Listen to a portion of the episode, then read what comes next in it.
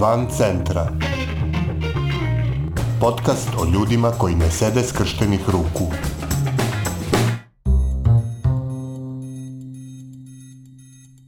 Vi slušate 54. epizodu podcasta Van centra, koji prati napore ljudi iz cele Srbije da poboljšaju kvalitet života u svojim sredinama. Pod kvalitet života svakako spada i nivo buke koju smo izloženi i koja predstavlja poseban problem u urbanim sredinama. Međutim, dok se brojne ekološke organizacije i inicijative kod nas bave kvalitetom vode, zemlje i vazduha, nema ih mnogo koje se bave ostalim aspektima zagađenja kao što je svetlosno i zvučno. Među te ne tako mnogobrojne spada i inicijativa Trn iz Gornjeg Milanovca – koja je okupila iskusne lokalne aktiviste sa željom da budu trnu peti opštinskim vlastima ukoliko budu ugrožavale životnu sredinu sugrađana. Pored ostalih uobičajenih tema za jednu inicijativu koja se bavi životnom sredinom, Trn je specifičan po tome što posebno adresira pitanje gradske buke. O tome kako je nastao Trn, kakve probleme sa bukom imaju u svom gradu i šta u vezi s tim preduzimaju, Razgovaramo s Aleksandrom Bulatović, aktivistkinjom Trna iz Gornjeg Milanovca.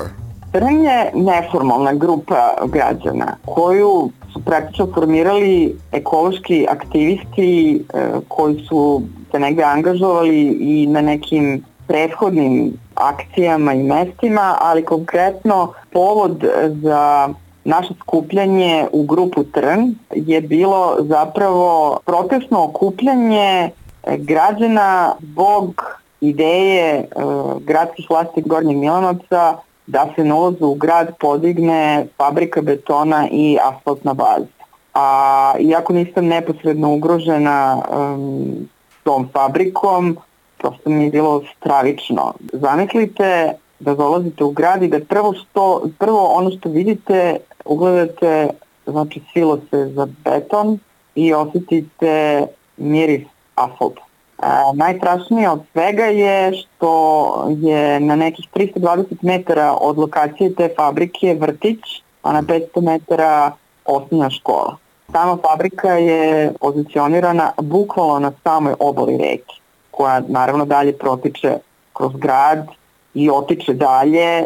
Na drugoj, na drugoj strani doline je već opet neka a, manja urbana zona, ljudi imaju bašte, gaje povrće, koriste tu vodu, potpuno sam bila šokirana idejom da to sad treba da se pretvori u novi jelen do u kome će dominirati beličasta prašina i u kome će vazduh biti zasićen hemijskim isparenjima koja nastaju prilikom proizvodnje asfalta. I protest je e, ko zapravo organizovao i šta se tu sve dešavalo?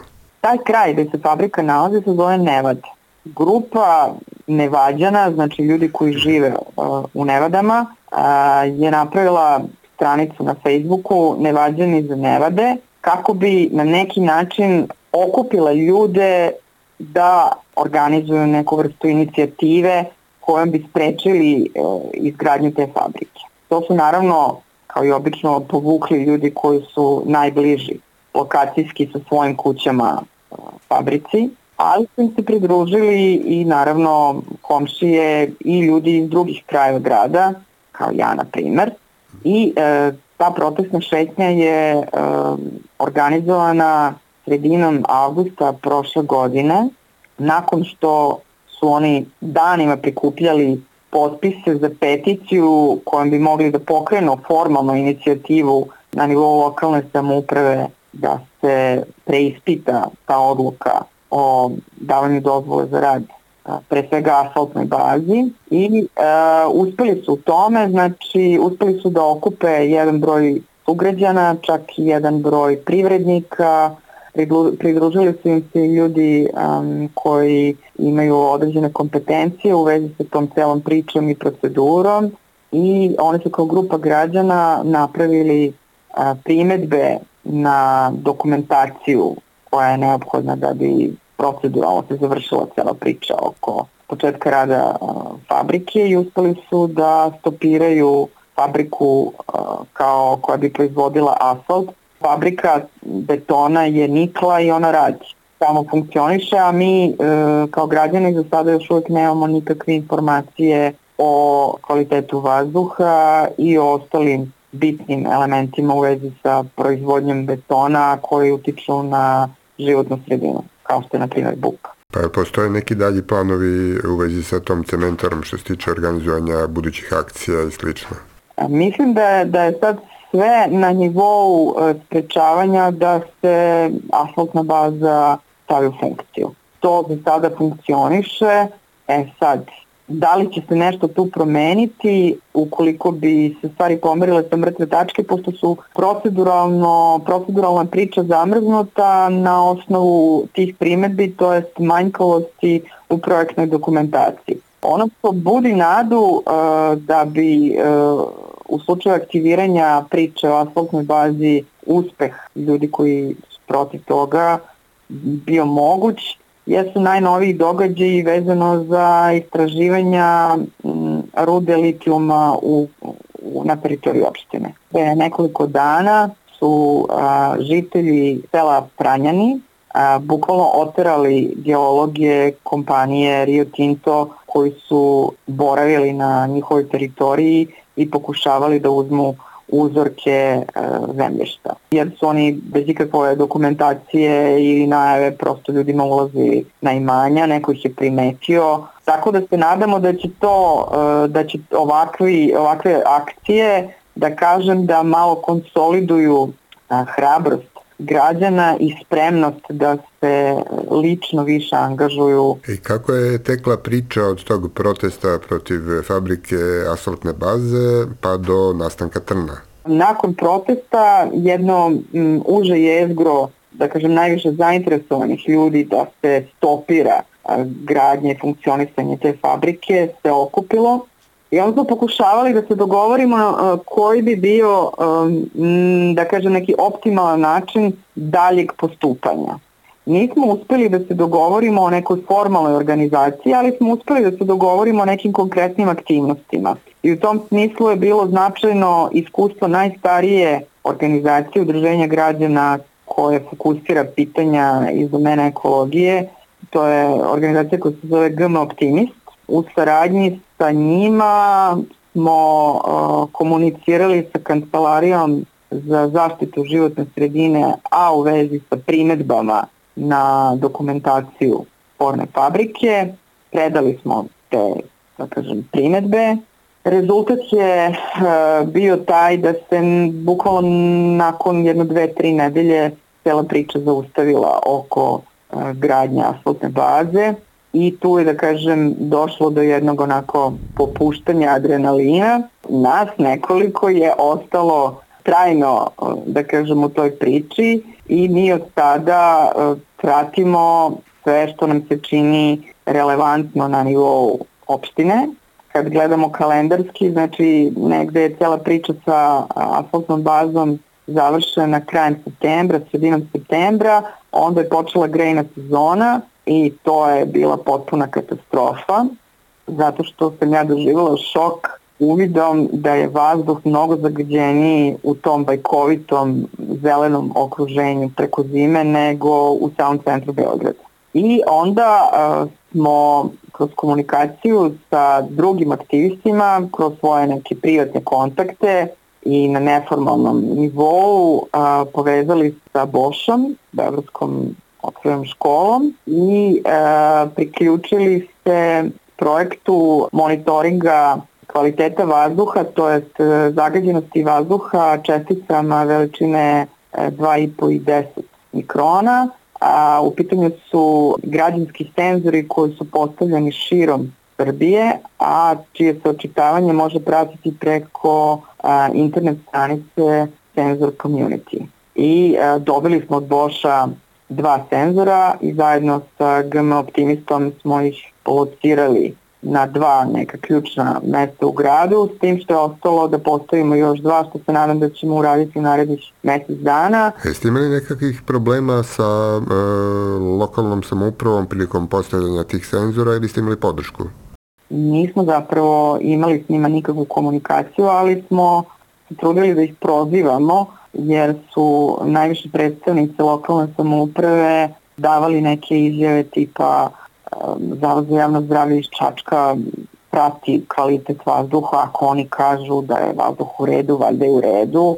To je bilo onako stvarno jedna neverovatna izjava, jer kad tebi čula tvoja kažu da je vazduh dramatično zagađen, znači dramatično, onda potpuno besmisleno insistirati na formalizmu tipa vidi ja imam papir, a taj papir ne zna se ni kada, ni kako, ni zašto. Ali ove, ovaj, nismo s njima imali uopšte komunikaciju oko zagađenog vazduha, ali se nadamo da, da su shvatili poruku. U svakom slučaju, a, svaki put a, e, kada imam prilike da javno govorim, ja iskazujem nadu da će lokalna samuprava opredeliti lokaciju i sredstva koje su neophodne za postavljanje zvaničnih senzora koji bi ušli u onu mrežu senzora koju postavlja i prati agencija državna. Vi ste se pored e, kvaliteta vazduha bavili pitanjem e, buke u Gornjem Milanovcu. Kako je do toga došlo?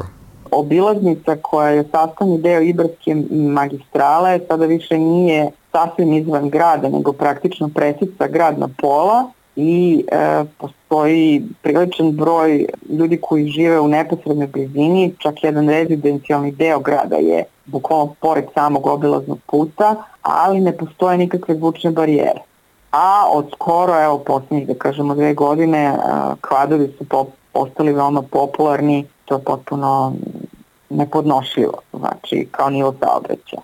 Na sve to Uh, ugostiteljski sektor je, da kažem, isto doživeo transformaciju u smislu uh, ponude i deo te ponude podrazumeva i emitovanje buke i tokom obdanice i proizvodnju noćne buke, tako da je bilo neophodno da kažem, raditi na podizanju svesti javnosti, što mi sve vreme radimo onako sa puno entuzijazma ali mislimo da smo već postigli određene rezultate jer se pitanje buke sada već prepoznaje kao relevantno na nivou lokalne zajednice, a e, zagađivači se e, označavaju jedan za drugim.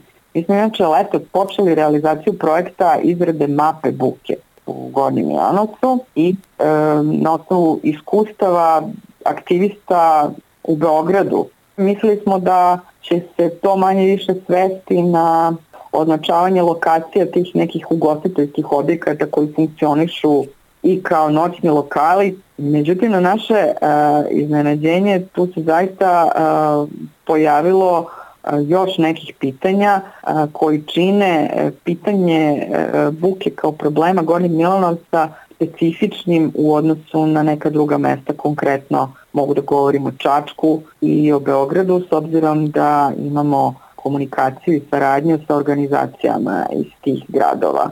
E, specifično se sastoji u tome to ljudi u velikoj meri, e, osim na, ugostitelj, na buku iz ugostiteljskih objekata, žale i na komšijsku buku. Isto tako ispostavilo se da lokalna samouprava um, nema nikakvu viziju, niti poštuje sobstvene normative kada razmatra um, odobravanje privrednih delatnosti na određenim lokacijama u gradu. Pa za kakva rešenja u kontroli buke se vi zalažete i na koji način zapravo pokušavate da ih e, stavite u proceduru? Znači, za razliku od iskustava um, ljudi iz Čačka i iz Beograda, mi smo um, imali začuđujuće dobro iskustvo u komunikaciji sa uh, nadležnim institucijama u Gornjem Milanovcu, u smislu da su oni prepoznali problem i da su uh, izrazili spremnost da sarađuju međusobno i sa nama na rešavanju tog problema, ali um, se tu kao prepreka za sada postavljaju propisi koji su um, međusobno neusklađeni i određene okolnosti koje sprečavaju da kažem, um, brzo i efikasno delovanje svih ovih organa. Međutim, ono što da, daje neki razlog za optimizam, to je ova komunikacija do sada. Pa ćemo videti kako će se stvari odvijati. Da, to optimistično možemo da gledamo u Gornjem Milanovcu, nadam se, a situacija sa problemom buke u Srbiji je dramatična zato što je Srbija pretvorena u deponiju buke. I problem buke je ozbiljan problem koji e, narušava kvalitet života građana bukvalno svuda u Srbiji. Sve to je začinjeno dramatičnim odsustvom participacije građana u procesima koji se njih tiču i onda sve to zajedno daje e, situaciju u kojoj svako može da vas maltretira ako je jači. Pravo na neometan san i na odmor nalaze se u temeljima osnovnog ljudskog prava na život. E sad, zaštita od buke mora da obuhvati čitav niz mera, koje inače već postoje u našim propisima, međutim, primjena mera zaštite od buke počiva na ozbiljnoj volji institucija da se buka kao problem zaista i reši.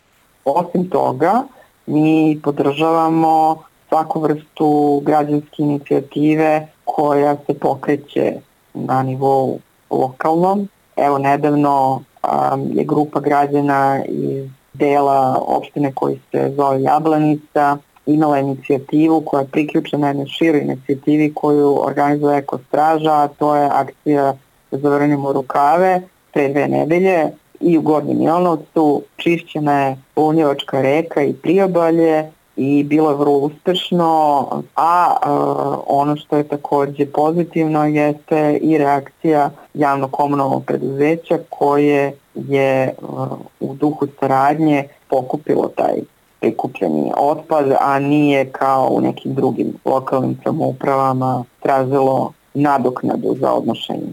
Koje su to bitke koje će vam biti prioritet e, u nekom narednom periodu? Čemu ćete posvetiti najviše energije? Ono što je, da kažemo, hronološki e, najbliže, to je postavljanje još ta dva senzora za praćenje zagađenosti vazduha, pošto je to stvarno neophodno da bi se kompletirala slika o zagađivačima vazduha u Gornjem Milanovcu i da bi se dobili neki uporedivi rezultati u odnosu na situaciju u nekim drugim lokalnim sredinama.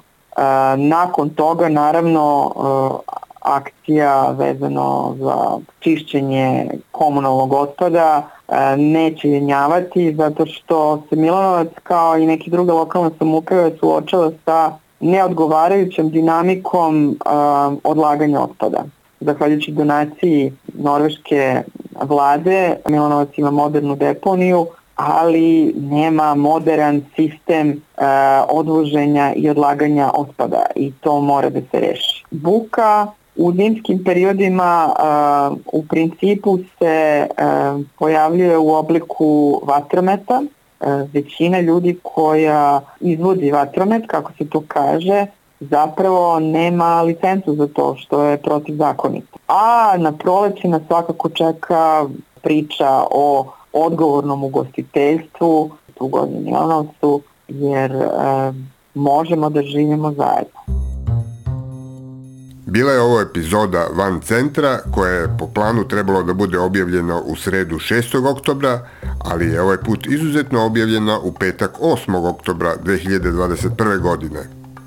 Nove priče o ljudima koji ne sede skrštenih ruku moći ćete da čujete sledeće srede, 13. oktobra. A umeđu vremenu, pridržavajte se mera zaštite od koronavirusa, čuvajte svoj i tuđe živote i ne ćutite pred glupošću i nepravdom. Van Centra je autorski podcast koji se realizuje uz podršku građanskih inicijativa – Stavovi izneti u emisiji nisu nužno stavovi redakcije podcasta Van Centra, niti udruženja građanske inicijative. Redakcija Tara Petrović, Miodrag Mrkšić i Aleksandar Gubaš. Urednik i voditelj Aleksandar Gubaš. Muzika i Logical Beat i Band Sound.